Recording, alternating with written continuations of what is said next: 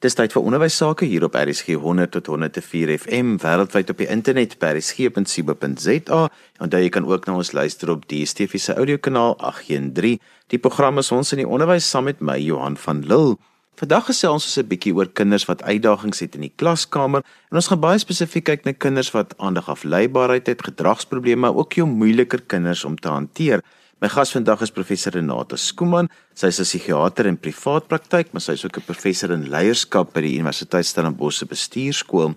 Renata, kom ons begin gesels. Dit is 'n belangrike onderwerp want onderwysers kry al hoe meer te doen met kinders met uitdagings, maar veral ook met gedragsuitdagings en kinders wat ook moeilik is om in die klaskamer te hanteer. Kom ons begin by die een wat die ooglopendste is en dit is aandagafleibaarheid.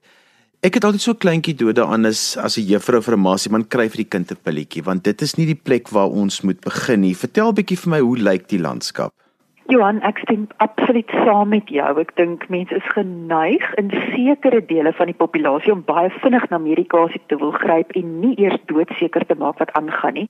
Maar dan is dit ook so dat 'n baie groot deel van die populasie veral in ons minder bevoorregte skole en in die publieke sektor weer glad nie toegang het tot hulp nie. So mens moet altyd kyk na al twee kante van die saak en om perspektief te hou. Maar ja, as 'n kind sukkel met uitdagings in die klas, soos wat jy dit genoem het, of hulle nou leerprobleme het, of hulle dalk emosioneel baie reaktief is, of hulle baie bedrywig is, daar is 'n klomp goed wat soos ADHD kan lyk. Maar een van die belangrike goed om te onthou is, om ADHD te kan diagnoseer, moet ons eers daai ander goed uitskakel. En dit kan enige iets wees, van 'n kind wat te min slaap tot 'n kind wat te veel op tegnologie is, tot 'n hongerkind, 'n angstige kind, 'n bedrukte kind, 'n kind wat blootgestel is aan trauma by die huis of in die gemeenskap. Al daai goed kan bydra tot probleme in die klaskamer. Renata, wat is die onderwyser se rol in hierdie proses? Want wat nogal interessant is, is baie keer Die eerste een wat dit aanmeld is die onderwyser omdat hulle die kinders in 'n meer gekontroleerde omgewing sien en dan sit baie keer vir die ouer ook 'n skok want dit is nie dieselfde kind as wat hulle by die huis sit nie en dan begin 'n mens met hierdie ding van maar hoe nou waarna toe maar wat is die onderwyser se rol in hierdie proses? Die onderwyser het so so 'n belangrike rol. Soos jy reg sê baie keer stel onderwysers probleme op waarvan die ouers nie bewus is nie. Daar's twee dele daarvan wat mens moet sien. Die een ding is 'n ouer het nie noodwendig iets om mee te vergelyk nie. 'n Ouer het dalk twee seuns of een seun en 'n dogtertjie. So as dit 'n verskriklike dag dromertjie is wat eriferie is en heeldag aan haar koppie is en droom dink hulle dis maar hoe 'n dogtertjie is. En as dit 'n baie bedrywige seentjie is, dink hulle dis maar hoe 'n seentjie is. Alle bedrywige kinders het nie ADHD nie en alle dagdromertjies het nie noodwendig ADHD nie. Maar 'n juffrou in 'n klaskamer het darm nou die perspektief van ek het al hoeveel kindertjies deur my hande gehad deur die jare of ek het hierdie jaar 30 in my klas of in die staatssektor 50 in my klas. So mens sien die outliers, die kindertjies wat regtig dan sukkel. En dit is baie keer waar daar dan so 'n bietjie van 'n ek wil amper sê 'n magspel is en die ouers kom hier by ons en hulle is kwaad vir die onderwysers van die ouers sê daar's 'n probleem of die juffrou sê daar's 'n probleem en die ouers nie. Maar baie keer soos wat jy genoem het, gaan dit oor die struktuur wat daar is. Maar wat onderwysers baie keer kan optel is, kind sukkel met taakvoltooiing. Kind sukkel om individueel te werk. Kind maak onnodige foute of kind sukkel met die maatjies en daai goed is die ouers nie van bewus nie. En wat baie behartseer is, ons sien ook baie keer die kinders wat die meeste ondersteuning het, ongelukkig is die sosiale omstandighede dan so dat die ouers nie daai ondersteuning kan bied nie. Dit is dalk kontrakwerkers of hulle moet lang ure werk of reis na hulle werk. En hierdie kinders het byvoorbeeld geen hulp en ondersteuning met huiswerk nie. Of die ouers self kan dalk nie die huiswerk doen nie. Hulle dalk nie eers daai vlak van opleiding gehad nie of weet nie hoe om 'n kind te ondersteun met huiswerk of saam met hulle te lees nie. So ons sien baie keer die kindertjies wat regtig daai ondersteuning het se ouers weet ook nie of kan selfs oorkom as onbetrokke En dis baie hartseer en baie keer is dit net ook oor dat hulle nie die geleentheid gehad het om die gesprek het te hê met die onderwyser nie. Renate, ons kyk nou na aandag afleibaarheid aan die een kant en dat ons ook kinders in die klas wat ontwrigtende gedrag het, maar dit het nie regtig 'n impak op kinders se regte nie en die maatjies se regte nie, maar dan het ons ook nou kinders wat ontwrigtende gedrag het wat wel 'n impak het op die mense om hulle se regte en wat hulle eintlik dan benadeel. Maar baie keer roer onderwysers al hierdie goeters onder een wil ek amper sê etiket in van aandag afleibaarheid. Verpak gou vir ons hierdie drie in die verskillende boksies. Ek weet ons hou nie daarvan om goed in boksies te verpak nie, maar dat mense net 'n bietjie beter perspektief het op waar pas aandag afleibaarheid binne die ander gedragsteurnisse wat ook in 'n klaskamer kan voorkom en baie keer so dan geetiketeer word. Sy geweer noem, dis baie maklik dat mense half die beeld het van ADHD is 'n lui kind, 'n stout kind of 'n dom kind en dit is glad nie die geval nie. Al die kinders wat lui is, al die kinders wat stout is of al die kinders wat sukkel op skool het nie ADHD nie en andersom. So daar is kinders wat regtig stout is en hulle is stout. Daar's kinders wat regtig gedragsprobleme het soos 'n conduct disorder of teenkantingstoring oppositional defiance en dit is nie noodwendig ADHD nie, maar dit kan saam voorkom. As ons praat van ADHD, moet daar drie dinge wees. Daar moet afleibaarheid wees of inattentiveness, daar moet hiperaktiwiteit wees en daar moet impulsiwiteit wees. En daar moet ses in elke een van daai groepies wees van simptome en hulle moet dan in kombinasie voorkom. En ons kan dan as dit 'n kind se funksionering inkort, so dan moet funksionele inkorting wees of akademies of interpersoonlik of sosiaal of dan emosioneel vir die betrokke kind. Dan eers kan ons begin praat van ADHD. So dit is nie 'n omstandigheidsding nie, dit moet deurlopend daar wees in verskeie kontekste. Daar moet die verskeie simptome wees en daar moet inkorting wees. Dan moet ons ook onthou en dis eintlik een van my motto's is 'n uh, stoute kind, vir alle kind wat skielik stout raak, is 'n bedrukte kind tot anders bewys. Vir al ons ouer laerskoolkinders of in ons jong tieners, selfs ouer tieners, as dit nog altyd 'n kind was wat eintlik goed gedoen het, 'n vriendelike, aangename kind en daar's nou ewe skielike verandering in gedrag, moet ons kyk vir depressie en ons moet kyk na substansmisbruik ook. En ons moet nooit dink 'n kind is te jonk nie. Ons het 'n paar maande terug in die foundation wat ek weet jy ook oor gaan praat, 'n 9-jarige seentjie gekry wat cannabis of terwyl dag gaan misbruik. Renate, want dit is hoekom dit vir my so belangrik is dat 'n ouer eintlik onderwyser 'n gesprek moet hê oor die kind se gedrag en nie 'n gesprek moet hê oor 'n diagnose en medikasie nie. Dis belangrik dat die ouer en die onderwyser ooreenkom oor wat is die probleme in die klas sodat 'n mens op die ou en die kundige wat jy gaan intrek om dan hulp te bied, hierdie dan te kan help hanteer want eintlik is hulle die mense wat die diagnose moet maak en nie iemand wat sê want as jy sê gee vir hierdie kind 'n pilletjie dan het jy al klaar 'n diagnose gemaak en dit val buite jou ervaringsveld vir alles jy 'n onderwyser is ek dink onderwysers moet regtig daarteen waak om 'n diagnose te gee. Hulle moet liewer praat van die simptome. Soos Mikkie kan nie onafhanklik werk nie. Ek moet haar die hele tyd herinner om te konsentreer. Sy skryf verkeerd van die bord af en die ander kindertjies in die klas spot haar omdat sy so verstrooid en agterloosig is en sy het nooit haar goeders by haar wat sy nodig het nie. Sy vergeet altyd alles en dit maak dat sy angstig is en die selfbeeld is nie meer goed nie moet ons nie verder kyk nie. Kan julle my toestemming gee dat ek julle na iemand toe verwys wat kan kyk of daar iets is wat ons al mee kan help? Dis die tipe gesprek wat ons moet hê. Dan moenie 'n gesprek wees van Nikkie se dagdrome het ADHD, kom ons skryf haar 'n pilletjie nie. Ons praat vandag oor kinders met aandagafleibaarheid en gedragsprobleme in die klaskamer. My gas is professor Renata Skooman. As jy sopas ingeskakel het, het jy die eerste gedeelte van vandag se program gemis. Onthou jy kan weer dan 'n luister as op pot gooi ook by rsg.co.za. Renata, baie keer as jy met mense praat, dan sê hulle maar aangefleibaarheid is eintlik 'n sindroom wat net vir die mense is wat dit kan bekostig. Jou ervaring wat jy werk in arm gemeenskappe ook, is dit dit kom reg deur die spektrum voor en dit 'n totale mispersepsie is.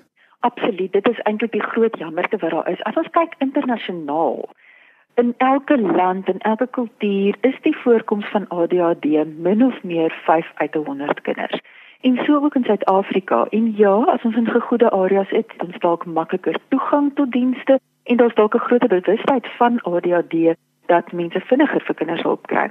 Waar ons met die foundation in die regte minder bevoorregte areas werk, is daar nog soveel miskonsepsies en mense is nog nie bewus van wat is ADHD nie of verstaan nie ADHD nie en is bang vir die diagnose en die behandeling. En as ons kyk die skole waar ons nog was, ons was nou al in meer as 26 skole waar ons nou al dienste gebring het. Basies as ons kyk na die leerlinggetal dan meer as 21000 kinders. Daar was meer as 1000 na ons te verwys wat ons al fisies gesien het oor die afgelope 2 jaar en dis nog steeds te min. Ons kry nog steeds dat dit meestal graad R tot 4 onderwysers is wat kinders na ons te verwys. Hulle is natuurlik baie besorg as 'n kind sukkel om te begin lees of te spel of so. Maar wat gebeur met die graad 4 tot 7 kindertjies en dan die hoërskole waar ons nie eers werk op hierdie stadium nie? Daai kinders word nog gemis. So dit wat ons optel op hierdie stadium is min of meer 2 uit 100 kinders in plaas van 5 uit 100 kinders wat ons weet dit behoort te wees. As mens kyk na internasionale prevalensie of terwyl voorkoms van ADHD. So definitief daar word nog nie genoeg kinders na ons verwys nie. Ons stel nog nie genoeg kindertjies op nie en ek dink dit het met twee goed te doen. Een ook nog steeds As 'n kind gedragsprobleme het in die klas of disruptief is in die klas, dan word daai kindjie makliker na ons toe verwys omdat dit die ander kinders pla. Maar as jy 'n stil dagdromertjie het of 'n dogtertjie het, hulle is geneig om nie so algemeen na ons verwys te word nie, so hulle word nog gemis.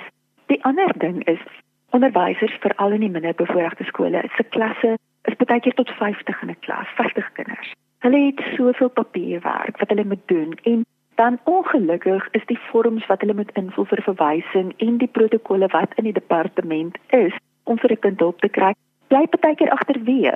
Want die onderwysers moet prioritiseer. Wat doen ek nou? Probeer ek die ander 49 in die klas help of gaan ek vir hierdie enetjie al hierdie dokumente invul om te kyk of ons kan verwys? En dan in die staat is daar verskriklike lang wagperiodes ook nog vir 'n kind om geassesseer te word. En dis waar ons regtig 'n verskil probeer maak. Ons probeer die proses versnel. As die kinders na ons verwys word en ons sien die kindertjies by die skool, ons probeer vir hulle letterlik binne 3 maande, dit klink nog steeds lank, maar dis baie beter as 'n jaar of 6 maande, binne 3 maande vir 'n oogtoets kry en 'n bril as hulle nodig het. Hulle oortoets kry en die intervensies wat hulle nodig het. Arbeidsterapie evaluasies om te kyk dat die kind se ontwikkeling voldoende is, hulle pen grip hulle wat ons noem lyfbeheer en posturale beheer want dit kan ook maak dat 'n kind nie kan stil sit nie en ons doen dan groepsterapie by die skool vir die kinders. Hulle kan nie individuele arbeidsterapie kry nie, maar ons maak klein groepies, sê net maar 5 kinders wat die terapie dan saam help om hierdie skills te ontwikkel. En dan die laaste ding is ook dat ons educational assessments of sogenaamde opvoedkundige sielkundige assesserings om te kyk of daar spesifieke leerprobleme is ook so gou as moontlik doen. Soos ek sê, ons mik vir 'n tydperk van 3 maande, maar omdat ons almal volonteërs is en dit is professionele mense wat ook ander werke het, is daar maar ook daai delay. Ons kan nou nie ons eintlike werk heeltemal los en net die vrywillige werk doen nie. Dan word al hierdie inligting ook teruggekommunikeer aan die skole, aan die departement en hulle kan dan verder ook help met intervensies op skoolvlak soos klaskamer aanpassings en ook dan met die skool by support team. As daar wel kinders is wat ons optel wat medikasie nodig het, het sy dit vir depressie is of angs is, of ons het 'n breintumor en epilepsie opgetel, of as dit dan nou vir ADHD is, dan het ons 'n baie goeie verhouding ook met die Department of Health en daar's verskeie klinieke en medical officers en mental health nurses wat ons dan help wat die kinders dan sien en hulle dan help om op medikasie te kom. Renate, enige ouer wat 'n kind het met aandagafleibaarheid en wat al hierdie uh, medikasie nodig sal sê dat ruk jou sak, maak nie saak wat jou inkomste is nie, want dit is 'n duur pad om te stap. Maar my hart gaan altyd so uit na die ouers wat al reeds sukkel om elke maand kos op die tafel te sit. Is daar vir hulle opsies om ook van hierdie dienste te kry, maar die belangrikste as 'n kind dan moet medikasie kry, wat sê 'n juffrou vir so 'n ma? Wat is die pad en hoe werk dit? So die skole waarin ons aktief is, so dit is die non-school fee paying schools, waar dit regtig onder die broodlyn is basies. Die skole kan direk na ons verwys na die Goldilocks and the Bear Foundation. Ons kan die kinders of daar sien afhangend van wat se skool dit is, of die kinders kan na ons by die kantoor kom. Ons het ook 'n kantoor vry daar by Tygerberg Hospitaal. So op hierdie stadium werk ons meer in die Kaapstad area. Ons het wel in Oktober ook voor die maand gelons in Gauteng en dit sal ook meer aktief raak daar. So hou ons Facebook page dop en die webwerf vir meer inligting oor die Gautengse inisiatief ook wat spesifiek in Alexandra begin is. Maar soos ek sê, hulle kan dan die skole kan ons kontak, ons stuur die vorms deur, die ouers vul vir ons 'n bietjie 'n vraelysie in oor ontwikkelingsgeskiedenis van die kind. Die juffrou gee vir ons inligting oor klaskamer ensovoorts en ons reël met die kind gesien word. So ek noem as dit medikasie is en dit is 'n publieke sektor pasiënt, met ander woorde iemand wat reeds van die publieke sektor gebruik sou maak, kry hulle dan die dienste in terme van medikasie ook daar en hulle kan dit dan gratis vir die kinders by die kliniek kry. Ongelukkig moet daar ook regverdigheid wees. So as mens wel 'n werk het en almal het nie noodwendig goeie werk nie, maar arm wees en finansiëel sukkel is ook op grade. Ons kan nie almal verniet help nie. En baie keer wens ek mens kon, maar ongelukkig is mense kapasiteit nou nie so dat ons vir almal kan gratis dienste gee en vir almal kan help om gratis medikasie te kry nie. Ons probeer ook heeltemal in lyn met die Department of Health se riglyne daarmee in terme van wie ons gratis kan sien en ook vir wie gratis medikasie in die staat kan ontvang. Renate, jy werk baie met onderwysers en met skoolhoofde in die onderwysdepartement, mense in hierdie sektor. Wat is die belangrike dinge wat mense moet weet oor aandagafleibaarheid, maar ook oor gedragsversteurings en weet ontwrigtende gedrag in klaskamer wat jy voel, maar dit moet mense van kennis neem? Ek dink die eerste ding is om nie dadelik 'n label op te sit of te kategoriseer en te sê dit is ADHD nie, maar maak aanpassings in die klas so wat jy kan, maar moenie tyd mors nie. Begroting ons moet onthou 6 maande in 'n volwassene se lewe is nie lank nie, maar as jy dink 6 maande kind van 6 is amper 15% van 'n leeftyd. So ons het nie tyd om te mors nie. So probeer met konservatiewe interventions, miskien vir 3 maande of 'n kwartaal en as daar nie verbetering is nie, verwys. Maak seker ons toetsie kind se oë, se ore, arbeidsterapie wat ook al nodig is om 'n kind so gou as moontlik te kan help.